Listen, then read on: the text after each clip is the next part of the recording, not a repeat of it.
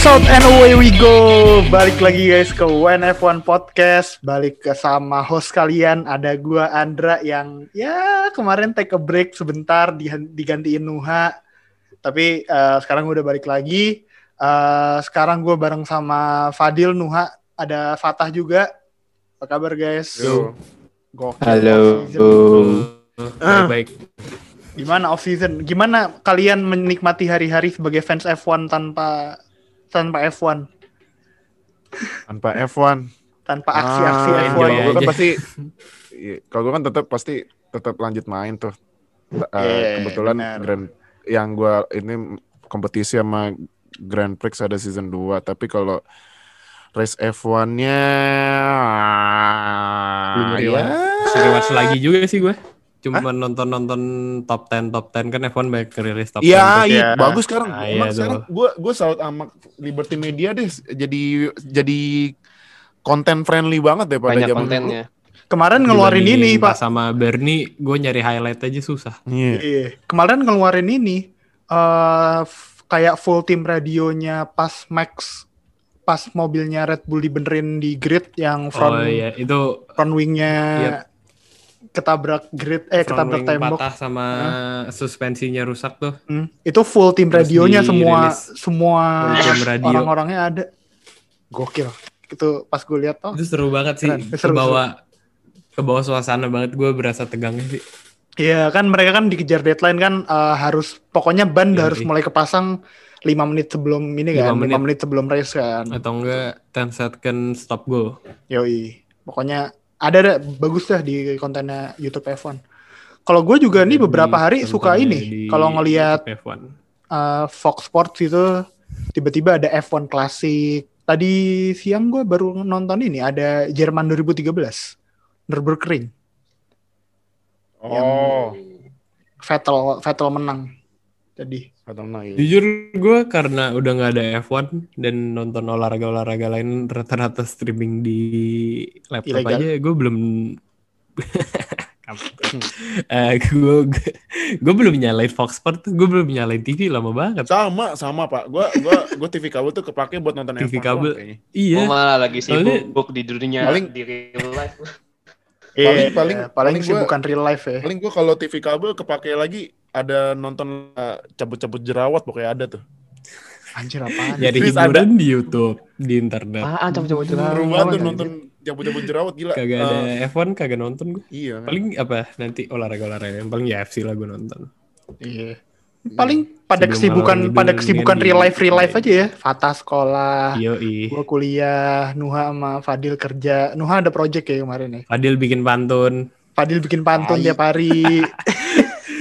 Tai, tai emang. Hiu makan sepat. Ya, ini makan cepat. Tapi Jangan amat dah. cepat. oh. Iya, Kalau apalagi bentuknya kayak empat. Anjing. kita kita hari ini typing minggu, besok kita udah balik ke ke, ke kesibukan masing-masing. Tapi Bukan masing-masing. kemarin ada yang ulang tahun nih. Eh. Siapa tuh? Siapa tuh? Siapa Tahu, ulang tahu? Tahun. Siapa yang ulang tahun? Esik. Fatah kemarin ulang tahun keberapa lu? Legal lu ya akhirnya sekarang ya? Udah legal ya? Legal 17 Asik. gue. Oh, si anak bocah, anak anak anak anak bau kencur. Akhirnya punya KTP, akhirnya kencur. punya KTP ya.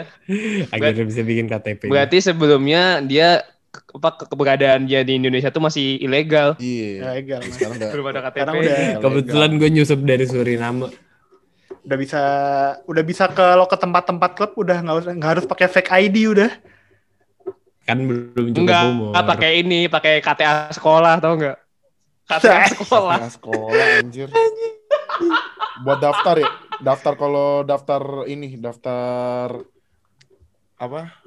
Ya itulah pokoknya kalau udah kartu identitas. Kartu identitas, kartu tanda pelajar, kartu tanda Hmm. pelajar. Kalau Iya, kata kata di Masih sekolah. tetap pakai kartu tanda pelajar ya. Nah. Pakai kartu pelajar. Ini karena eh, Fatah ulang tahun nih. Eh, terus eh, oke oke juga nggak ikut hari ini karena alhamdulillah dia tadi eh, siang lamaran ya tadi siang ya. Wih, Ya, breaking Oh, news iya. nih. Breaking news Oke, ini. News. Breaking news Ditunggu ini. video sekarang. Eh, penting.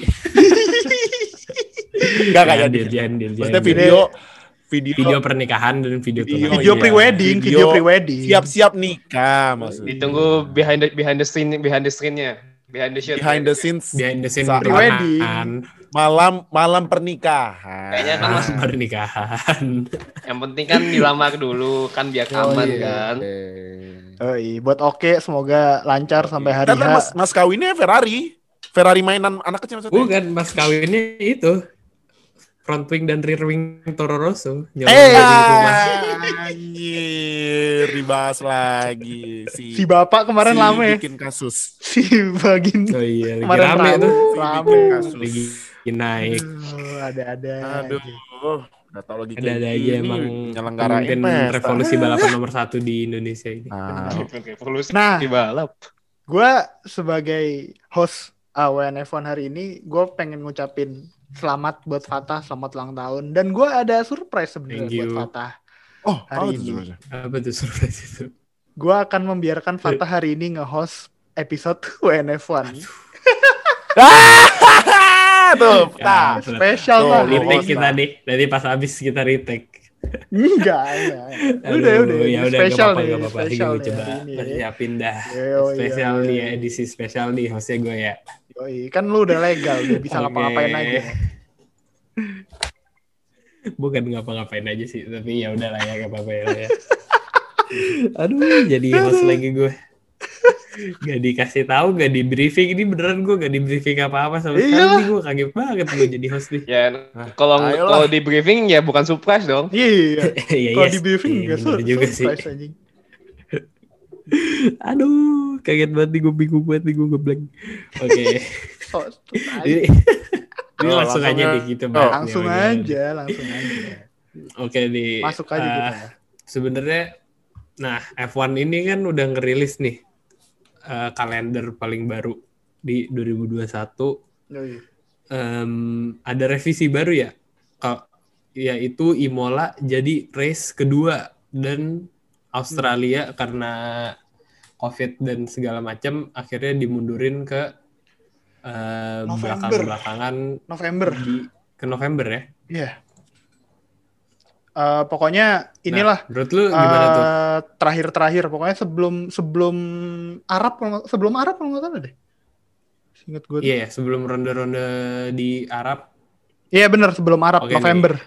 Jadi round 1 itu Bahrain tanggal 26 sampai 28 Maret. Terus kita langsung ke Itali di round 2 ke Imola tanggal 18 April. Eh, nah, yang masih belum confirm itu to be confirm itu round 3 itu masih masih dalam perembukan Yes. eh masih belum tahu siapa. Ada rumor katanya bisa jadi Sepang, bisa jadi Portimao, bisa jadi Istanbul. Yang pasti sih bisa dibilang track-track klasik ya. Yang gue jujur beberapa track favorit gue sih. Nah, selain itu juga ada kemungkinan besar Monaco, Baku, dan Kanada itu di cancel atau dipostpone Apa? karena kondisi COVID. Yap, Iya iya. serius, ini serius beneran Ada curang. ada rumor Monaco, Baku, dan Kanada karena satu ketidakpastian, dua biaya untuk menyelenggarakan race karena mereka dua-duanya street circuit kan. Oh, oh. itu oh, iya sih. masih apa sebenarnya sirkuit setengah ja- setengah jalanan lah. Sedangkan Oh, iya sih. Monaco dan Baku itu kan full street circuit. Jadi mereka masih ada ketidakpastian apakah bakal beneran mau ngadain race atau enggak karena pertama biaya dan kalaupun mereka udah bikin eh, biaya ngebongkarnya pun bakal gede banget dan jadinya mereka nggak ada return dalam eh, secara segi bisnis lah. Nah, menurut lu gimana tuh? Rencana Monaco, Baku, dan Kanada mau di cancel itu track-track Gua- yang bisa dibilang udah familiar banget lah selama 2000 dari berapa 2017 mungkin mereka bertiga udah dari 2016 malah ya dari Iya. 2016 mereka Iya, bertiga Azerbaijan kan di, 2016 ya. Azerbaijan udah household 2016 name ya. lah di ya udah Ini- household name dan ini gua baru udah tahu. sering ikut Gue baru tahu ternyata Gimana tuh Monaco, kira-kira Baku, Monaco, Baku sama Kanada tuh ini ya branded ya, round 5, 6, 7 ya. Berentep. Iya, Iya, makanya ah. jadi ada kemungkinan tiga race di cancel. Jadi tuh kalau tiga race di cancel itu dan secara ada berturut-turut. itu ada kosong tuh Mei tanggal 9 tuh di Catalunya. Terus nanti baru balik lagi tuh Austria Juni. Juli, Juli. Eh, enggak ding. Oh, Prancis, ding, sorry, Prancis. Prancis dulu, tanggal Prancis. 25. Juni tanggal 25. Eh tanggal 27 Prancis race-nya. Iya. Habis itu, nah ya itu ke skip 3 race. Nah, kalaupun ada kemungkinan ini, gue yakin F1 pasti nggak mau selama tiga race berturut-turut nggak ada nggak ada kosong aja gitu. Pasti Iyalah, bakal nah, diatur lah jadwalnya. duitnya. Tapi menurut lu, Gimana tuh kira-kira Monaco yang bisa jadi miss dalam dua tahun berturut-turut gitu loh. Itu kan padahal Monaco tuh dari race pertama F1 tahun 1950 season pertama sampai tahun 2019 tuh selalu ikut. Sedangkan nih 2020 2021 karena Covid eh bisa tiba-tiba di cancel dan nggak ikut dua tahun berturut tuh kira-kira gimana tuh? Menurut lu ada dampak nggak secara Monaco secara long term gitu ya? Dan juga buat Baku dan Kanada. Eh, Monaco ya. Lu deal. Monaco gimana ya? Gue gini sih. Emang Monaco itu eh race heritage ya gimana ya? Heritage gimana ya buat ngungkapin bahasa Tradisi Indonesia ya? kali ya, tradisi kali ya. Tradisi ya tradisi. Cuman lu nonton race-nya udah bosen pak, susah nyalip. Serius Ya, dah. menurut gua Monaco itu lebih ke ya pertama tradisi dan lebih ke glamornya F1 Iya, glamor iya. Cuman glamornya cuman F1. masalahnya ini mobil F1 makin lama makin gede. Yap, apalagi dengan 2022 nanti mobilnya juga makin lebar ya. Iya itu makanya menurut gue ya sorry to say Monaco mendingan N aja Dicabut. kayak Sepang Oh, kalau gua nggak sih di N kayaknya. aja. Kalau gue sih kayaknya Kenapa? Monaco nggak bakal di dihabisin Iya sih, gua juga- aja sih. Maksudnya Iya gue juga gue setuju nggak bakal stabisin cuman gimana ya? apa Tuh, kayak Tapi kenapa? gue gue cukup yakin F1 bakal F1 bakal cari segala cara untuk tetap pegang Monaco karena dari penjualan tiket pun oh ini iya salah sih. satu yang bener. paling laris kayaknya Hmm. eh, selama dari total semua race. Tapi juga ada aspek em, aspek apa istilahnya sentimental lah. Dan pasti F1 bakal cari segala cara buat mungkin either improve racingnya atau mungkin F1 mau ngebiayain Monaco buat ngelebarin jalan. Kita juga nggak tahu. Tapi gue yakin sih Monaco nggak bakal cabut sampai kapan pun. Sampai kapan pun F1 sih. punah juga Heeh. sampai F1 penontonnya mungkin sebanyak NASCAR, gue cukup yakin eh kayaknya Monaco nggak bakal hilang dari F1 sih menurut gue. Iya pasti ada caranya sih menurut gue cuman ya lagi-lagi kalau aduh gue nonton Monaco aja dah aduh yang ngandelinnya pit stop paling Yap. juga kalau bisa nyalip kan di turn 1 Terus Ter- Di, ras, yang ini raskas di- bisa, di raskas turun. bisa. Iya, yang yang kebanyakan si- nonton Arafa dan Dra kayaknya. Iya kayaknya dah. Kayaknya iya dah. Ini yang yang turn sebelum Arafa hairpin apa tuh turn sebelum hairpin yang belokan kanan. Mirabu bukan Iya sih? iya Sebelum. Mirabeau. Ya itu. Bisa di Mirabeau juga. Terus abis hairpin kan kanan pertama kan di, pertama tuh susah. Di yang kanan bisa tuh. juga bisa. Nah, Nah iya tapi kan tetap aja dan itu pun ballsy move gitu loh bukan iya. gerakan bukan move rutin yang bisa tiap driver bisa ambil kapan pun gitu loh. Iya makanya jadi eh ya kalau Nah. gue sih gue sih emang ya bener sih eh apa Monaco udah lebih Monaco nggak bakal dihilangin tapi ya racingnya bakal boring pasti. Monaco Boring tuh. Monaco tuh udah ini apa? Monaco dia tuh event sih, track lebih kayak yang apa event apa ya? Event Yap, mewah gitu lah. acara. Heeh. Iya. Jadi Iya. F1 cuman hiburan gitu loh buat buat event itu tuh Hmm. F1 tuh hiburan masalahnya di Monaco itu hampir sama kayak Singapura lah dia pasti uh, event-event Yep. di sekitar race-nya aja itu udah banyak banget dan mahal yang banget. lebih seru, yang Hmm, lebih hmm, jadi attraction lah dibandingin racingnya sendiri. Mm. Nah, menurut gue Monaco itu tuh salah satu track di mana gue jujur gue punya tiga, dua atau tiga kriteria lah bisa dibilang buat menentukan suatu track itu bagus atau enggak. Apa tuh? Lihat mobilnya, lihat eh, buat driver, gue nggak tahu mungkin gue nggak pernah nyetir mobil apa, tapi menurut gue gue tahu mana track yang kayaknya driver lebih prefer buat racing di situ daripada track-track lain. Misalnya kayak pasti driver lebih prefer Portimao daripada Yas Marina gitu lah, for example. Atau Sepang daripada Singapura mungkin. Itu pertama itu kriteria gue itu lihat driver suka atau enggak. Kedua, lihat mobilnya seru nggak sih di situ. Nonton mobilnya kelil lewat aja menurut gue itu udah salah satu kriteria yang penting. Makanya menurut gue Yas Marina itu salah satu track terburuk karena gue nontonnya aja bosen. Terus racingnya nggak seru dan gue cukup yakin driver nggak suka track itu. Makanya gue menurut gue Yas Marina itu salah satu track paling buruk di Yas Marina. kalender F1. Iya, Yas gue Marina. masih kesel Yas Marina sih sampai sekarang. Ya Yas Marina man no Tarik debat lah worst track ever itu mah. Najis, sampah. Lu lu gimana? Yang Kan terakhir, Monaco bikin track yang terakhir racingnya. Yang Bikin track chicken banyak banget anjir. Gimana mau nyalip? Bego emang sih. Nah, yang terakhir kriteria gue adalah racingnya. Katakanlah eh, suatu track kayak contoh Bahrain ya. Gue gue nggak tahu driver suka Bahrain apa enggak. Tapi gue sendiri gue nggak enjoy lihat mobil di situ. Selain karena sparksnya dan karena malam-malam menurut gue tracknya biasa banget. Tapi racingnya selalu seru. Tiap Iya. race Bahrain pasti selalu seru Iya, dan iya. ada actionnya. Makanya gue suka Bahrain. Bahrain ya? Ba oh, Bahrain sih. Bahrain. Bahrain. demen banget. Ya.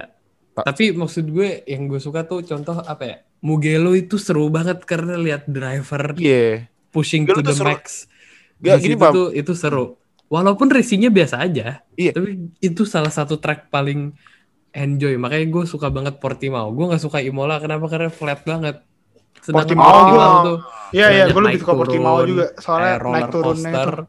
Dan itu menurut gue amazing banget lah buat nonton. Buat sekedar nonton doang tuh udah seru. Hmm. Walaupun racingnya jujur ya biasa aja sih pas di Portimao, tapi lihat mobil mobil-mobil F1 nyetir di situ tuh menurut gue sinting sih. Nah, Iya, cuman ya balik lagi Pak. Kita bilang bagus tapi pemerintahnya nggak ada duit, sulit. menurut lu gimana tuh? Kalau lu lu ada kriteria ini enggak? Kriteria track yang lu suka? Apa Kriteria track yang syarat? paling gue suka. Jawaban gue udah. Nuha, eh, bukan gua, Anda Fadil, Nuha. Hah? Nuha, Nuha. oh Nuha dulu ya. Oh Nuha dulu. Nuha ya. Kalau gue sih ada jawabannya gue simpel, gue simpel. Nuha dulu Kalau- deh. Kalau gue sih yang paling gam, sebenarnya sama dari kriteria tiga. Yang pertama, gue lebih prefer kalau misalnya tracknya itu gampang untuk buat nyelip. Jadi Hmm. kalau misalnya buat ya buat nyelip track itu tuh mobil tuh bisa dengan maksudnya mobil tuh nggak terlalu keteteran buat harus cari-cari celah untuk buat nyelip. Hmm. Ya, jadi syarat utama kalau gue itu tracknya harus lebar. Itu Ah oke. itu paling gampang tuh track Iya iya lebar. benar Yap. benar. Yang kedua, tadi sih juga udah hampir sama sih disebutin. Jadi kalau misalnya mobil itu nggak sanggup memberikan race yang asik sih, terlepas tracknya lebar juga pun itu bakal boring gitu. Kok case-nya kalau misalnya dia dibaku kan ke Azerbaijan tracknya lebar, walaupun sebenarnya mungkin ada sebagian driver yang dalam tanda kutip kurang suka karena track ini tuh terlalu banyak lurusnya, jadi benar-benar mengandalkan power dari mobil. Tapi kalau buat yang nonton itu seru banget karena mobil F1 tuh benar-benar diuji mesinnya tuh ya di track lurusnya baku dari ya setelah turn berapa ya turn, turnnya itu turn yang turn yang nikung itu terakhir habis itu kan almost almost almost lurus gitu sampai di RS Iya, lurus, lurus sampai turn one lagi Drag, drag race. Drag race Gitu. itu. ah. itu kan kayak nggak Kristen itu kan kayak bener-bener power yang apa mesinnya mobil tuh bener-bener kayak diuji gitu kalau misalnya ya mobil lu kenceng lu bakal survive di situ kalau enggak ya wassalam jadi ya itu kalau gua jadi kalau yang satu lagi ini sih apa emang faktor historis kalau menurut gua jadi Hmm. berkaca dari yang apa omongan kita tadi yang Monaco sih gua kalau memang misalnya F1 kok kok nggak bener-bener keadaannya urgent pasti F1 tuh bak- bakal akan tetap mempertahankan Monaco Yep. Kecuali ada sesuatu yang kritis kalau banget ya. benar-benar urgent benar-benar udah nggak bisa diadain baru Monaco tuh bakal di cancel makanya sih walaupun banyak debat ah Monaco harus Monaco di cancel aja Monaco di drop aja karena tracknya udah sempit mobil F1 udah terlalu gede for me it's unlikely to be that karena ya faktor historisnya lumayan panjang di F1 di situ dan juga memang Monaco tuh perputaran duitnya di sana itu kenceng Yep. otomatis F1 juga mengandalkan duit dari sana Yep. dan kalau kalau nggak salah sih ya ini based on my research gue kalau gue baca-baca itu tiketnya di Monaco tuh lumayan mahal gitu loh. Buat nonton F1 di Monaco tuh lumayan mahal. Berapa ya? Gue mau nyari ah kalau di. Monaco kan oh, iya. dan kalau orang Monaco kan ya Tajir tajir lah. notable orang kaya lah maksudnya ya negaranya kaya kecil ya udah Waktu kecil itu isinya orang ada kaya satu video semua bilang- ya mau beli tiket F1 mah receh gitu lah ya Lu- udah kayak lu- Gelael buka tak buka ini aja tuh buka restoran, aja Restoran. receh kan Kayak gue pernah baca lu kalau mau daftar citizenship ke Monaco itu lu minimal punya di rekening lu satu juta euro satu juta euro lebih lah. Gue lupa gue lupa persisnya berapa tapi jutaan euro pokoknya. Jangan. Dan itu iya, kalau lu mau ini ya. Jangan orang kaya ya. kan ini aja.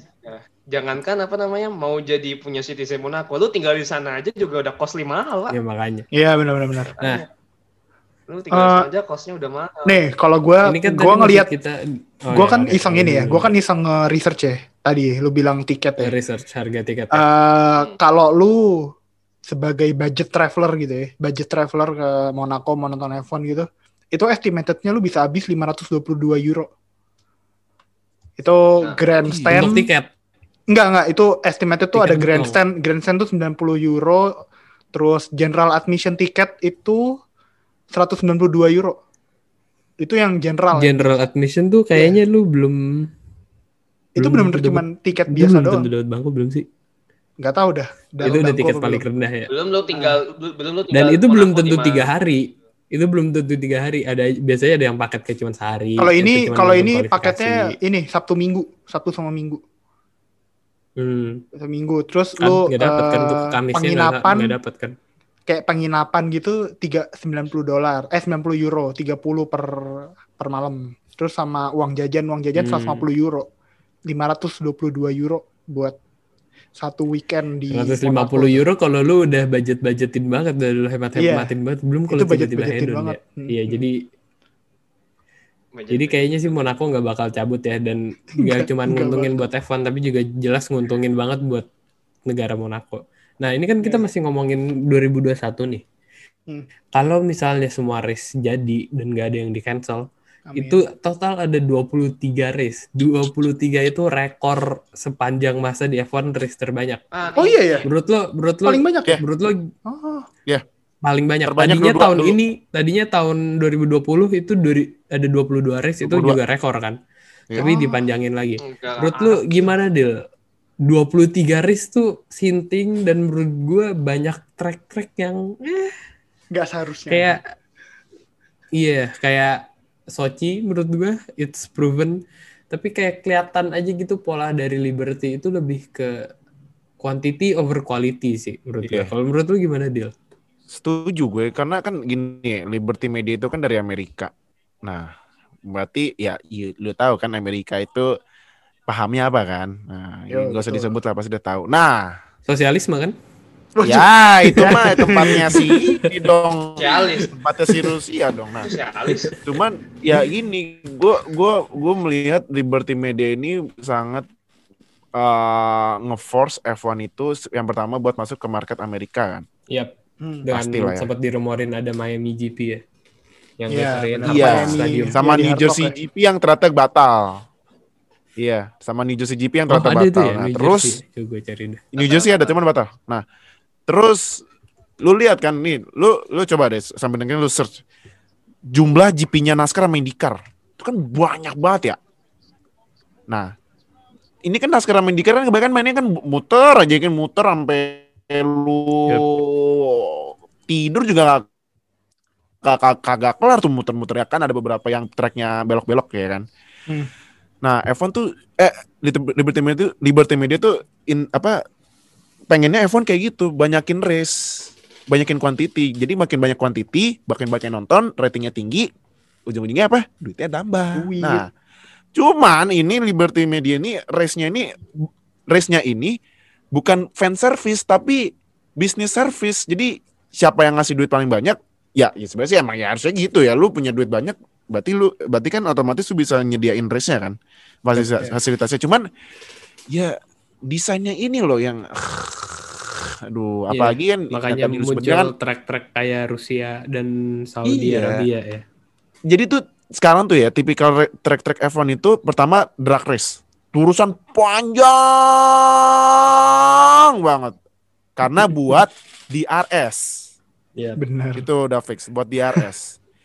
Yang kedua buat nampilin wah ini F1 mobil tercepat sepanjang Megah masa. nih, Karena megah. apa sih pas lulusan langsung ada kayak ini kan on board terus ada speedometer yang itu kan. Iya, iya, iya, kan? speedometer yang di Ya kan. Nah, itu kan pasti masuk stats gitu kan. Yang ketiga, track tracknya emang lumayan lebar-lebar kan kayak Amerika, Yas Marina yang sampah itu, nah dan lain-lain. Cuman ya kebanyakan tracknya ini belokannya belokan yang mati, mati maksudnya tuh mati yang nggak bisa Hmm. disalip. Iya benar-benar. Jadi tuh kebanyakan ya tikungannya tuh kalau nggak shiken, shiken cepet. eh, Ya shiken kayak yang di Spanyol atau Abu Dhabi apa Yas Marina yang shiken sampai berapa banyak tuh. Atau enggak ini tuh belok apa eh ininya apa? Tikungannya tuh tikungan pelan, pelan yang udah kenceng. Nah, terus pelan ke gigi dua. Jadi ya kalau menurut yang lain gimana? Kalau menurut Lundra? Kalau gue sih Hmm. bosen nontonnya sumpah kebanyakan bisnis service ya sebenarnya sih ya, ya gue tadi kan uh, pertama agak skeptis lihat Azerbaijan ya ternyata wow Azerbaijan se- seru juga nih ya kan Iya, iya. karena Azerbaijan itu belokannya masih banyak yang bisa disalip sisanya Iya. tuh yang kayak nih ya contoh ya contoh contoh Yas Marina nih yang pert- gua gua dua ya contohnya biar nggak kelamaan ya Yas Marina abis yang uh, tikungan nabi apa tikungan pertama kiri terus kanan kan terus Hmm. uh, kiri dikit nurun chicane abis itu Hairpin. hairpin hairpin. Habis itu Chicken-nya itu lurus. menurut gua nggak perlu sih. iya iya, Iya, benar. iya, abis itu abis itu kan abis ya. hairpin lurus DRS drag race chicken. Abis itu DRS lagi chicken. Ya, ya lu mau nyalipnya gimana? Kok itu tuh nyalipnya antara antara maksa kena atau enggak lu makan sausage itu yang bakal kemungkinan nyenggol juga karena efek sausage itu kan jadi harus ke kiri dikit kan biar nyimbangin mobil. Iya benar. Itu jadi ya Eh, kalau sirkuit-sirkuit Bosen baru ya. tuh ini enggak sih? Lebih ini juga nggak sih ngeliatin eh apa ya maksud gua apa pun yang ada tuh di apa bangunan-bangunan yang ada jujur. di sekitar sirkuitnya. iya. Iya, Itu. Masa- itu. iya benar. Nah, Eh, lu lihat Nah, Yas Marina, itu bagus banget lah. Yas Marina tuh Marina, arsitektur arsitektur non kota. non sirkuitnya bagus. Kota. Iya, iya, iya. Circuit of the Americas juga dengan Cota ya? Cota. Iya, eh, yang ada tower tingginya itu Tower kan ada tinggi buat itu, iya, towernya. Bagus sih bagus sih. Bagus sih bagus sih. Bahrain bagus. gua, ba- yang masuk bagus. ah, ini pengkolan, pengkolan kecil. Iya, pengkolan Iya. kecil. Tempat Leclerc nabrak. tempat Leclerc nabrak. sebenarnya jujur itu tuh trennya si Tilke sih dia bikin Hmm, pedok trennya pedok Tilke mewah itu, tuh pertama gitu. mulai dari em, Sepang dulu tuh pertama yang bikin pedok bagus tuh terus Iya. abis itu Cina Bahrain. dengan Oh, Cina dulu ya? tahu kan yang gerbang gede segede gaban itu Iya. terus Bahrain juga Bahrain. selain itu Nah, cuman ya Sepang megah ya, Yas menurut gua buatan Tilke masih bisa nyalip lah. Ini sisanya sisanya tuh ya sama satu lagi kan tadi kan chicken chicken. Yang kedua tuh udah ngebut eh tikungannya tuh matah bukan yang 90 atau 45 derajat jadi buat nyalip susah. Harus hard break emang jadinya. Harus. Iya harus hard break. Hard break pun juga lu bener-bener yang late breaknya late break yang late break banget. Jadi ya eh, bosen. Iya, udah hard break kalau nggak lolos jadinya hard break patah hati. Nggak bisa. Iya hard break mata hati. Ah, Aduh, iya. ini udah gitu galau layoutnya layoutnya sirkuit uh, Arab aduh gue lihat hmm. Nih. Dan juga tuh kayak jadi kayak jadi suatu kritik buat Herman Tilke juga ya. Soalnya kan beberapa sirkuit belakangan dia tuh memang terlalu fokus ke ke apa sih environment di sekitar sirkuit bukan bener. untuk kesenangan balapannya itu sendiri. Jadi kan Tilke kan kayak ya contoh kayak Yas Marina yang ada gedung-gedung bagus ada hotel di atas kita. Jadi apa, balapan yang lewatin hotel terus lewat di belakang hairpin yang ada Ferrari World kayak terus juga di Baku yang begitu. Itu kan kayak apa sih Tilke tuh terlalu mengandalkan environment di sekitarnya gitu. Ada landmark apa yang bagus di sirkuit itu buat sirkuit itulah. Pokoknya ibaratnya kalau misalnya mau buat sirkuit di Indonesia tuh kalau misalnya nih ada Monas nih dah tempel aja Monas sirkuit di ini, situ. iya. kan ada Monas nih jadi bagus nih. Masuk bukan aja sirkuit di gitu situ. Tahu-tahu tikungannya tikungan chicken tadi Monas. Iya makanya. Jadi kan Taunya kayak, naik Monas muter gitu. Iya. Nah, oh iya, menurut ngomongin 2021 di ini ada dua lagi nih yang mau gue omongin. Pertama round 3 to be confirm. Kira-kira Ah. siapa nih? Eh, kan Nah. udah Imola kan? Eh, ma- belum Enggak, Itu ya? round round 3, dua. round 3. Round Itu dua. round 2. Imola round round 3 2. itu lagi masih to, To be be confirmed confirmed, itu yang diasumsi yang ru- rumo- rumornya itu Portimao, Istanbul, Sepang juga ada tapi menurut gue chance-nya Sepang dikit. susis. Sama Siapa? Cina. Susah. Nah, Cina Cina nih masih pengen kayaknya pengen rebound, pengen membuktikan diri sendiri. Nah, menurut eh menurut lu Ndra, siapa nih yang bakal gantiin? Lu pengennya siapa gua- dan secara Oh. objektif siapa kira-kira? Ah, Yang gue pengennya gue pengennya dan realistisnya Portimao. Hmm. Eh, pengen karena tadi eh, ngelihat eh, Portimao tuh track sirkuitnya salah satu yang gue suka juga karena elevation changes-nya terus pas kemarin bisa ngehasilin race yang lumayan oke juga eh, tahun kemarin tahun 2020 eh ini buat gue bisa jadi round yang lumayan gue tunggu-tunggu gitu. Kalau misal jadi di Portimao penggantinya eh di round 3 ini gue bakal suka banget. Ini Portimao salah satu yang gue agung-agungkan bakal jadi eh selain Imola gitu. Bahkan gue kemarin pas TBC itu pas masih TBC Imola belum confirm, gue pengennya Portimao emang dari awal. Dan kenapa gue bilang Portimao realistis karena kalau ngelihat jadwalnya eh, ini kita udah masuk eh, Eropa. Round 2 udah di Imola.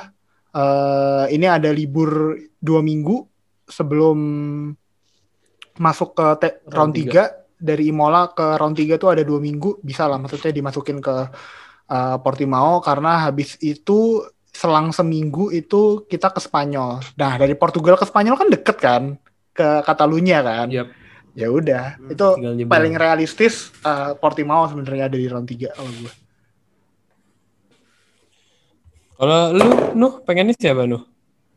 Kalau gua sih sebenarnya apa realistically gue sih lebih pengen Cina ya karena kok banyak yang nggak suka sirkuit Cina sih gue tuh bingung loh Gue suka sih. loh sirkuit Cina Gue suka sih Cina sih. gua- Masih suka, sih. Teman.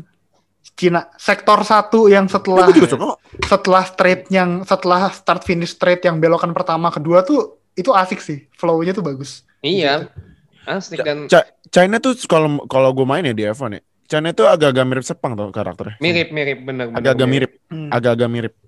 dan juga kan banyak apa kayak ada track lurusnya yang lu bisa pakai buat itu sebelum sebelum ini sebelum turn terakhir itu lu bisa pakai buat buat overtaking tuh di situ Benar. Iya. Ya, itu betul, tuh- betul, betul. Nah, itu end sebenarnya si Cina tuh enak banget cuman Cina kan enak, karena memang masih dalam pandemi memang agak beresiko sih memang dan terlebih lagi kalau misalnya memang nanti bakal, bakal langsung masuk ke Eropa kan ya ya itu lagi loading barang loading barang logistik dan segala macamnya itu yang bakal jadi PR tapi ya gue pengen sih tetap Cina tetap ada karena ya nyamain F1 2020 sih kalau gue personal gue suka main track Hmm. di Cina Hmm. Gitu sih. Walaupun tire wear-nya sinting sih.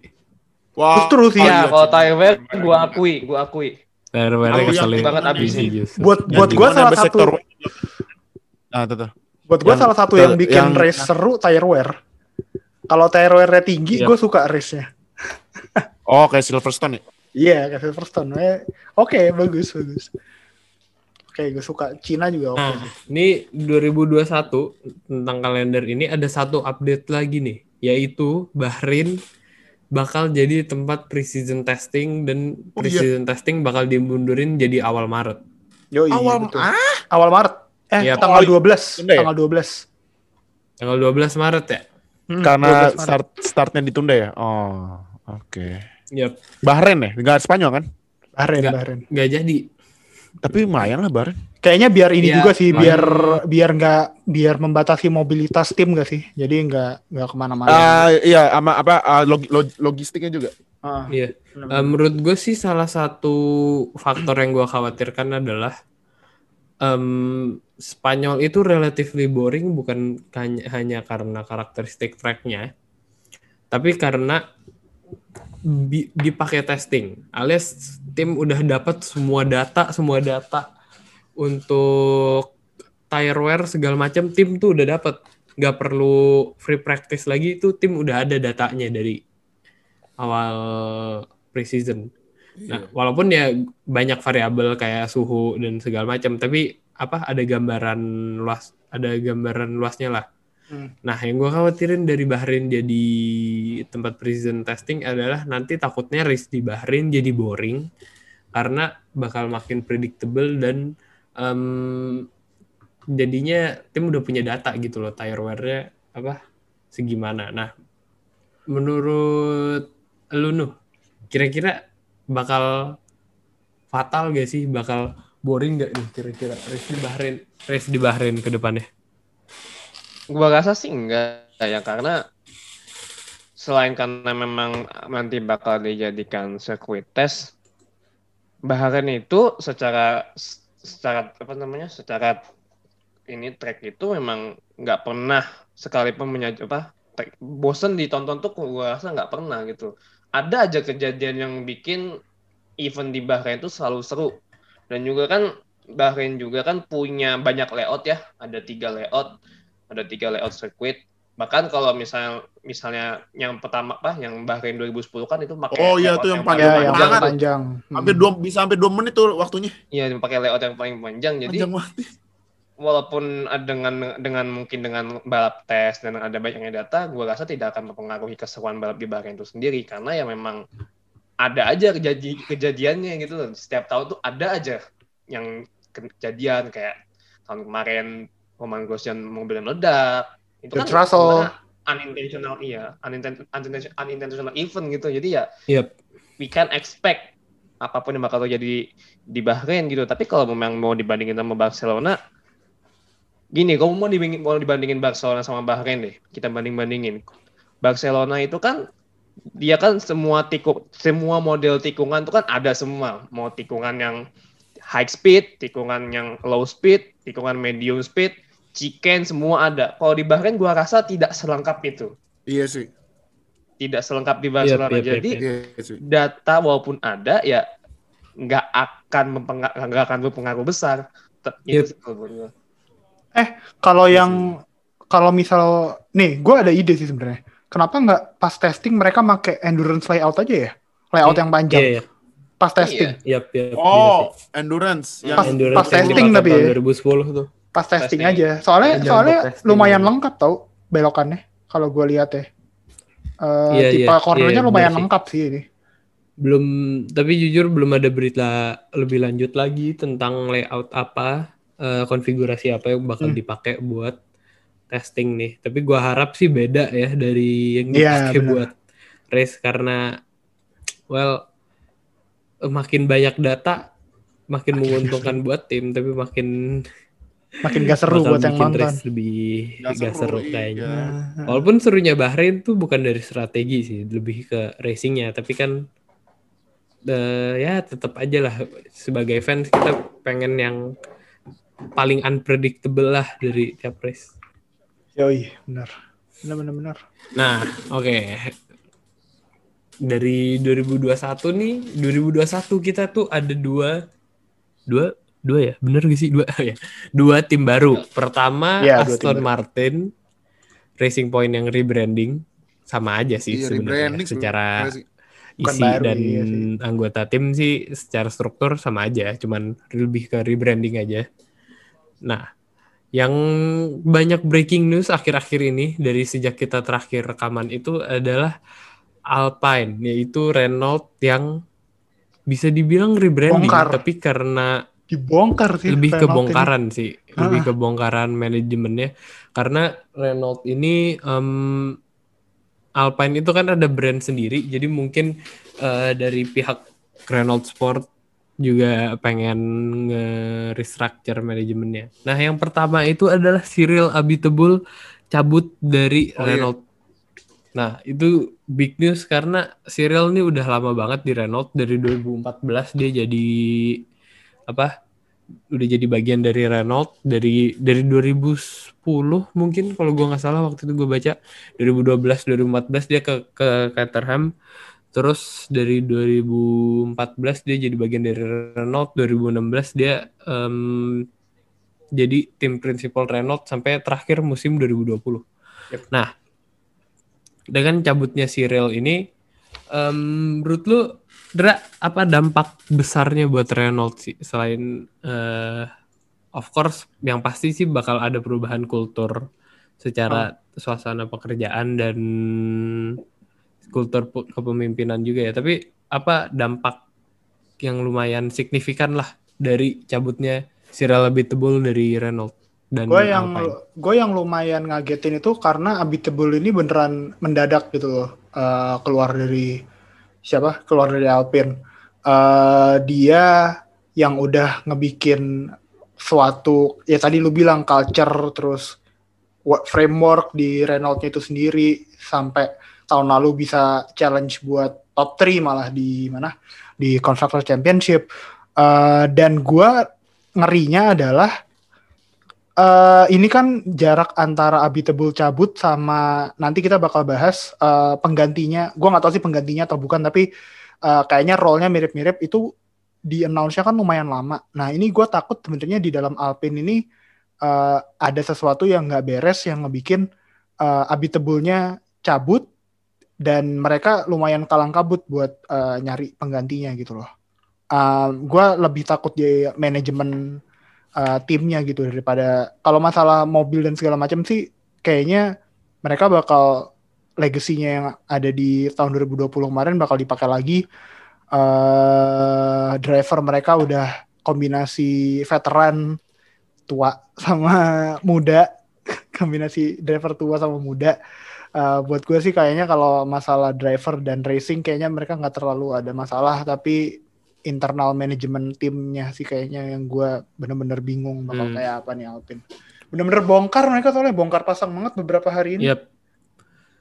Eh, nah, jadi secara persisnya itu sekarang Alpine itu ada CEO baru, Laurent Rossi, Laurent Rossi. dan Davide Brivio ini bakal jadi racing director dari tim Alpine F1. Buat yang nggak tahu, Davide, Davide Brivio ini eh mantan Suzuki MotoGP chiefnya, jadi kepala MotoGP. dari Suzuki Mo- tim, Ya. Su- tim Suzuki dari MotoGP. MotoGP.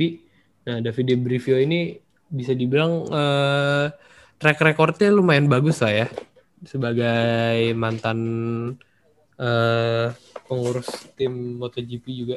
Tahun lalu juara Eh, tim dan lu- ini tahun lalu juara tim sama Juara driver kan Suzuki. Iya.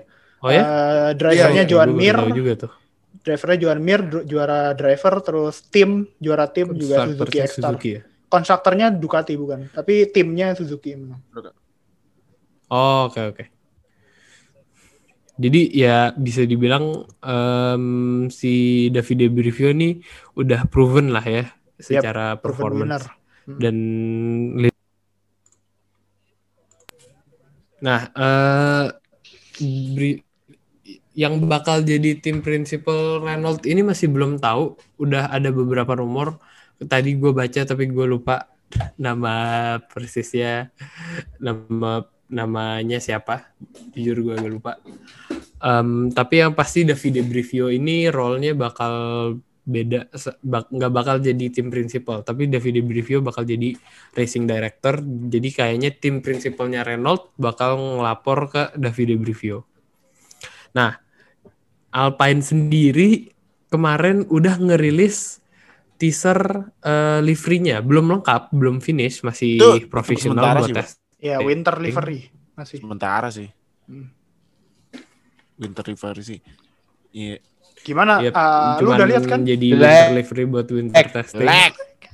Course. jelek banget jujur Apa? jelek banget da- jujur gue sih? gak suka sih Iya, kenapa sih gini loh? Kenapa sih tim nggak nggak senekat kayak Red Bull yang yang dulu bikin kamo terus yang apa gitu buat winter ya walaupun winter tapi seenggaknya yang keren gitu nih cuman bikin yang seru Hitam. lah hitam terus bener Prancis Bendera.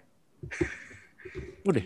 Kurang identity Jujur Alpine sih buat gue. ngefeknya ini loh Iya, a- apa ini warna biru biru ini kan biru kayak biru apa sih? Biru biru Rams ya sebenarnya. Iya nggak sih? Biru bukan, bukan biru Eh, rem. warnanya itu biru biru Prancis biru Biru Prancis, Prancis ya? Oh, biru Prancis Prancis. ya. oh ya gue gue gue gue pengen Alpine itu warnanya biru biru metalik terus ada benderanya itu bakal Biru, biru jersey banget. Prancis ini dia sih kalau gue mau. biru jersey Prancis ya Biru jersey Jersey Prancis. bola ya? jersey Jersey bola Prancis, Prancis terus dikasih Iya, bagus bolanya bagus sih. Prancis. terus dikasih warna Kan ada benderanya ada logo ayam ya ntar. Di sini nyanyi. Apa jagonya ayam? jagonya Jagonya ayam. Ya, ya. Aduh. Eh kalau gue ngelihat liverynya apa Alpine nih kayak anjir, lu lihat Ferrari tahun lalu cuma lebih jelek. At least Ferrari tahun lalu tuh ada identitinya. Ferrari kan identik warna merah kan. Ya udah, nih gue ada mobil Yap. merah, gue tempelin sponsor di mana-mana. Menurut gue itu jelek, tapi at least ada identitinya. Mobil Alpine ini bener-bener Hmm. hitam, kayak mobil Gak ada default identitas. mobil default lokasi stiker tempel di mana-mana lokasi bendera Prancis kayak anjir ini ini apa sih sebenarnya walaupun gue gua akuin di bagian end plate uh, front wingnya uh, itu ada tulisan Alpine sama bendera Prancis 3 uh, tulisan Alpine backgroundnya warna hitam itu gue suka dan itu kalau bisa dipertahanin sih buat uh, livery benerannya. Itu itu buat front wing end plate-nya bagus. Aksen bendera Prancisnya oke banget di situ cocok.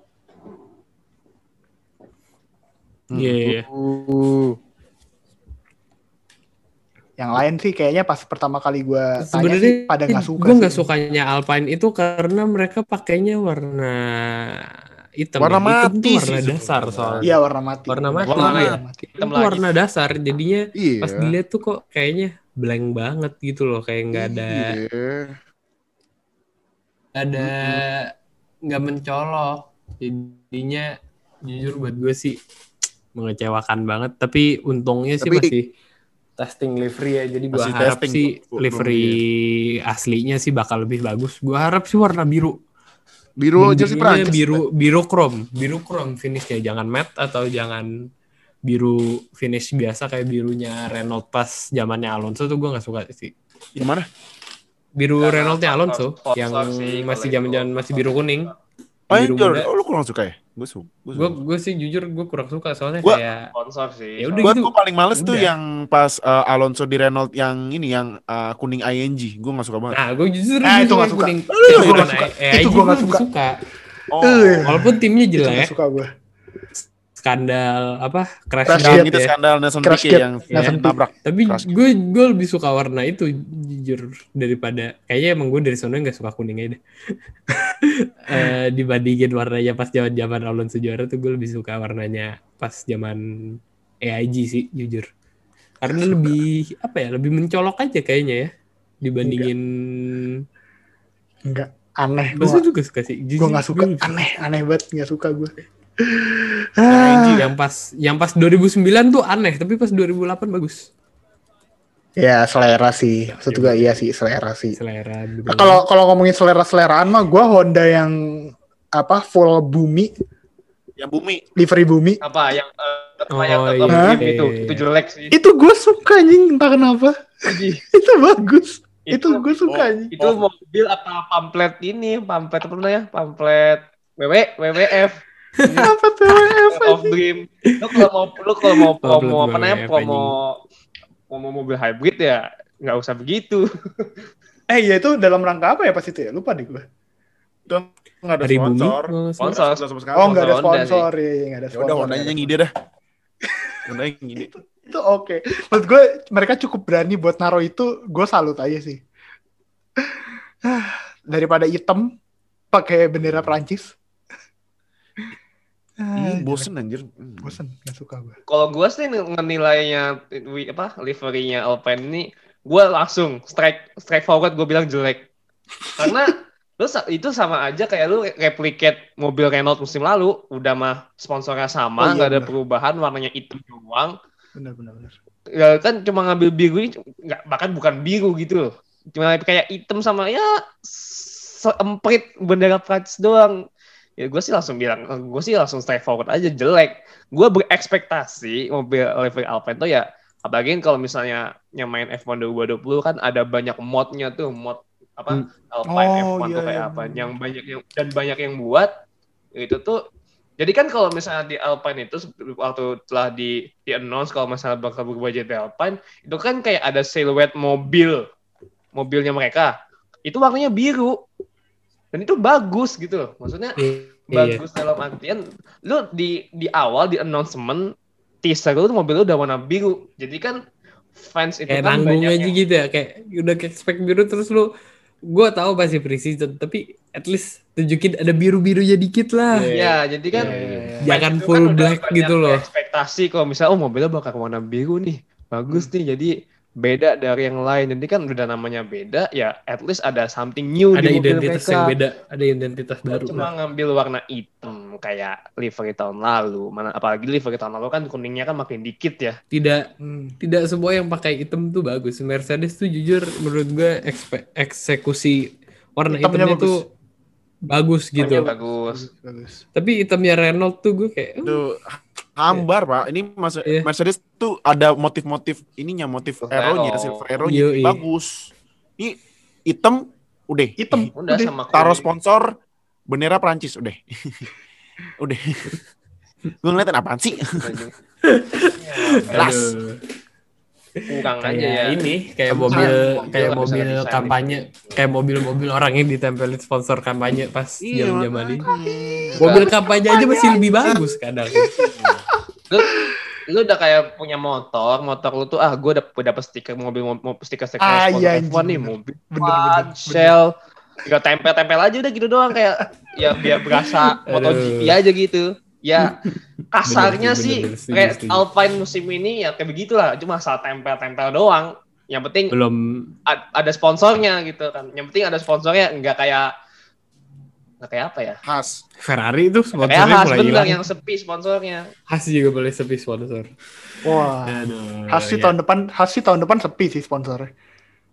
Hmm, Kan udah sih kan lima cabut kan ya?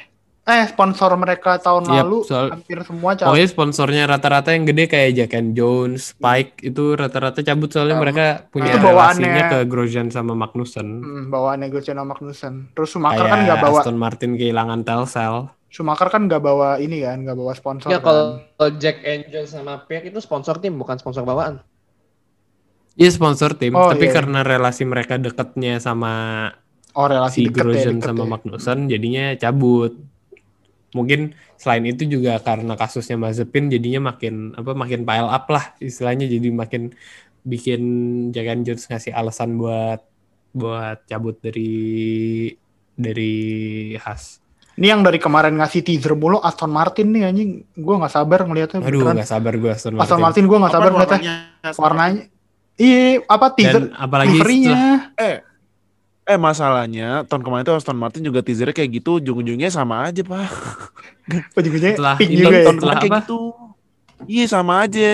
Tahu-tahu setelah, kan cuma setelah setelah Cuma- BWT kan cabut nih BWT cabut. Pinknya kan Nah. Iya. utamanya dari BWT udah kan, nggak ada. Dari Best Water Technology itu kan Iya. sponsor utamanya Racing Point akhir-akhir ini. Nah Iya, BWT tuh udah cabut, sekarang ganti jadi Cognizant. Jadi ekspektasi gue sih pinknya udah dikit sih. Iya sih, cuman gue penasarannya Aston Martinnya tuh gue gue gue tuh agak trauma. eh, sorry ya, gue tadi eh, kurang connect. eh, tapi gue agak keselnya kayak tahun kemarin Alfa Romeo teaser keren-keren apa apa. Tahu ujung-ujungnya, ye gitu. Gue nggak lihat sih teasernya Alfa Romeo tahun lalu. Alfa Oh, Alfa Romeo tuh kemarin yang tahun kemarin ya? teaser keren banget. Teaser- Tahu-tahu pas keluar, Valentine kan ya? iya udah gitu. Teaser Valentine. Teaser keren, tahu ujung Iya. Iya, udah gitu ujung-ujungnya, iya ujung-ujungnya sama cuman digedein doang Orlen ya ilah makanya gue Aston Martin gue penasaran nih apa Aston Martinnya yang bakal digede-gedein atau gimana gue nggak paham nih ntar apa tiba-tiba oh kan ada ada sponsor lagi apa namanya o, o, o apa namanya All Cognizant. Cognizant. Cognizant. Anjing bagus banget Nah, Alfa Romeo teasernya. iya makanya nah jadi Wah, gue gue penasaran nih bagus-bagus tapi ujung-ujungnya jelek nah gue kadang gitu gue agak agak agak cautious nih kalau sama teasernya F tim F1 ya gitu kalau gue Iya, agak cautious maksudnya kalau gue gue nggak ada ekspektasi buat Aston Martin yang penting lebih bagus daripada Alpine lah. Deh, itu aja lah. dan lebih bagus daripada dan lebih bagus daripada tim warna merah. Merah. Ih. Eh, kampret. Ih. Apa aja nih? Ah, jelek. Tetap aja nih kagak ada oke. Tetap gue yang kena ujung-ujungnya. I- iya iya emang emang emang bakal emang bakal gitu sih. Pasti gitu, pasti gitu. Nah, Gua kalau mal, gua malah menunggu satu tim lagi sih kalau misalnya apa launching livery McLaren. Hmm. Kan tetap papaya sih. dengan Kayak kalau kata gue Gulf tetap ya. warna baru. birunya tuh bakal agak sedikit lebih mudah karena kan mereka udah tekan kontrak sama udah punya partnership sama Gulf ya. Golf kan warnanya kan Oh, oranye dan oke. birunya kan lebih muda. Biru muda. Kan kalau misalnya model-model F1 2020 tuh banyak yang udah bikin kalau misalnya birunya tuh bakal sedikit lebih muda nyesuaiin sama warnanya Golf. Dan gue penasaran tuh bakal kayak gimana nanti. Tapi kayaknya motifnya sama aja ya. Maksudnya birunya tetap di tempat itu ya. Di atas gitu kan Gak, birunya ya. kayaknya sih nggak bakal jauh beda, nggak akan Iya, jauh-jauh Nggak akan jauh beda, cuman bakal finishnya lebih beda dikit aja. Oke, oke. Nah, kita udah ngomongin Alpine nih. Ini sebenarnya ada dua lagi sih yang mau gue omongin walaupun di luar plan kita. Pertama, eh satu aja deh, nanti kepanjangan. Nah, ini satu satu yang gue pengen omongin adalah lo pada udah lihat belum sih hypercar barunya Leman? Hypercar barunya. Hypercarnya Ya, siapa? Lemang, Leman. Oh, WC, Lemang. WC. WC. Eh, Ya. Lemang ya? Belum, belum, belum. Gue belum lihat. Lemang apalah nggak tahu gue ngomongnya cara ngomongnya gimana tanpa terdengar seperti snob.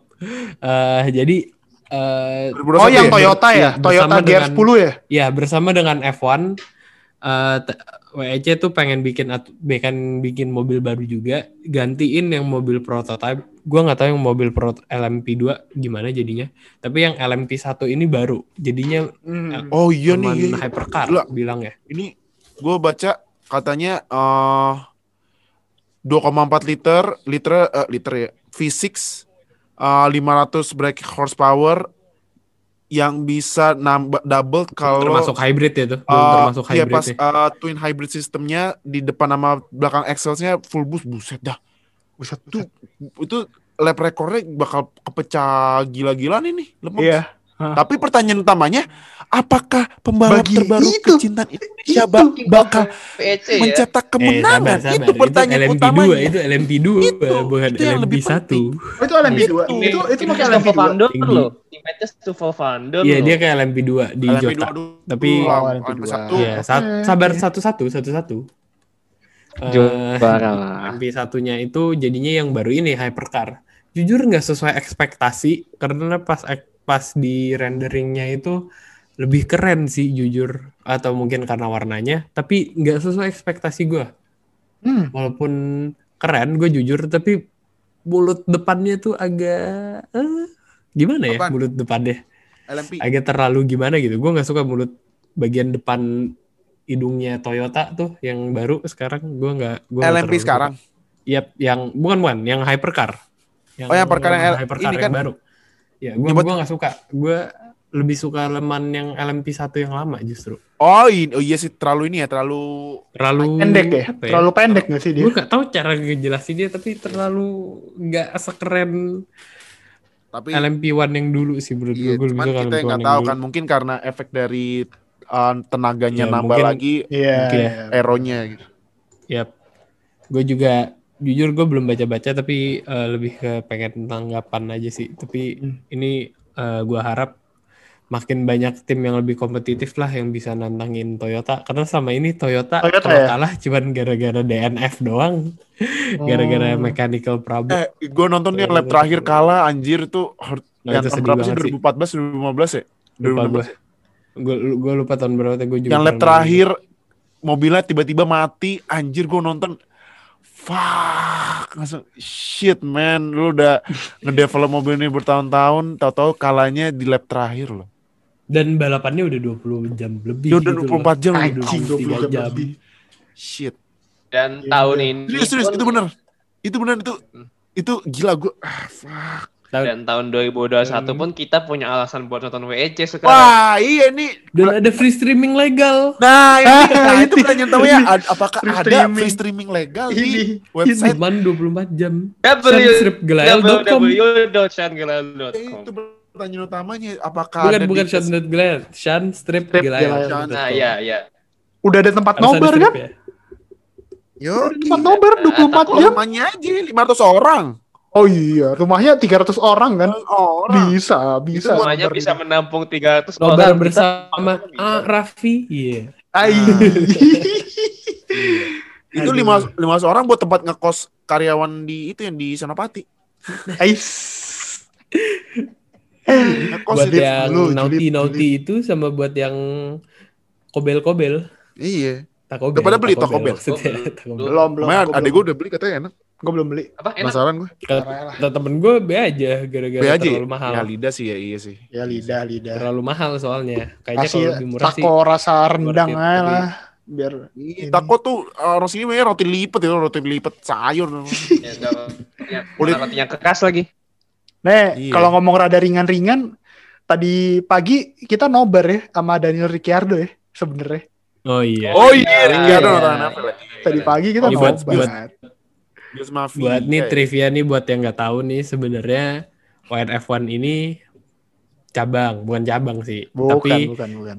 Bang Fadil Ah, ini, ini, Bang Fadil another ini aspiration. mempunyai mempunyai ini tuh aspirasi kedua sebenarnya Bang Fadil ini nih ada satu project bukan project ya komunitas lain namanya NFL Fans Indo bisa dicek tuh juga at NFL Fans Indo pakai fans ya bukan NFL Indo. Pakai NFL Fans Indo Udah di pinter. Instagram. Udah pinter Fatah, Oh, udah pinter. Gak salah gue milih lu ya. Udah jago, udah jago, Emang udah jago, udah pinter. Bocah anak ken- bisa dicek tuh buat yang mungkin tertarik. Apalagi tadi mungkin kalau kalian lihat di di Instagram ya apa di Twitter juga gue lupa. Instagram. di Instagramnya Daniel Ricciardo dia nonton eh, NFL playoff tadi nah bisa dicek dicek juga tuh kalau pengen tertarik nih apa sih nih tontonan tontonannya apa bisa dicek di NFL Fans Indo Ya iya, driver-driver Ya, ngomong. dia fansnya Bills. Iya, gue juga dia fans Bills. Iya, dia fans Arbit. Bills, terus Arbit. si Stroll, Stroll sama Gasly kan fans Giants kan. Giants Kasihan, kasihan kasihan, kasihan, kasihan kasihan. Ah, Oke, Ah, Kayaknya udah oke, ya. ini karena udah Kayaknya udah mau penghujung nih gue balikin dulu kali ya hostnya Gak usah, Andrew. udah tutup aja. Nggak, nggak ini. oh, nggak usah nggak apa-apa. Ya. Oke. Eh, makasih udah dengerin sampai habis kita ngobrol-ngobrol tentang F1 hari ini. Eh, follow kita juga di Twitter at n at w eh apa at wnf1 underscore official di Twitter. Em, Oh, itu. terus bisa follow juga yang tadi NFL Fans Indonesia di Twitter dan Instagram di YouTube-nya juga ada. Subscribe udah Minang Eh, Gaming. Jangan lupa kalau kalian udah Subscribe udah Minang udah Gaming. Minang Gaming juga tuh di YouTube. Oh iya, tiap minggu ntar minggu depan. Tiap minggu Ah, ada main F1 ya. Di Kambiang tuh tadi race-nya jelek banget. So, Terus yang terakhir kalau kalian tiba-tiba nemu podcast ini mungkin di share dari temen atau nemu di Twitter, jangan lupa kalau belum follow juga di follow Spotify kita Yes. dan sering-sering lah dengerin biar kita makin bahagia. bahagia. ya bang, siap ya gue. Siap Bang bahagia. Oke, makasih. Ya. Oke, Oke, thank makasih you. Siap, udah Bang Legal. guys. Thank you guys. Thank you semua. See you in the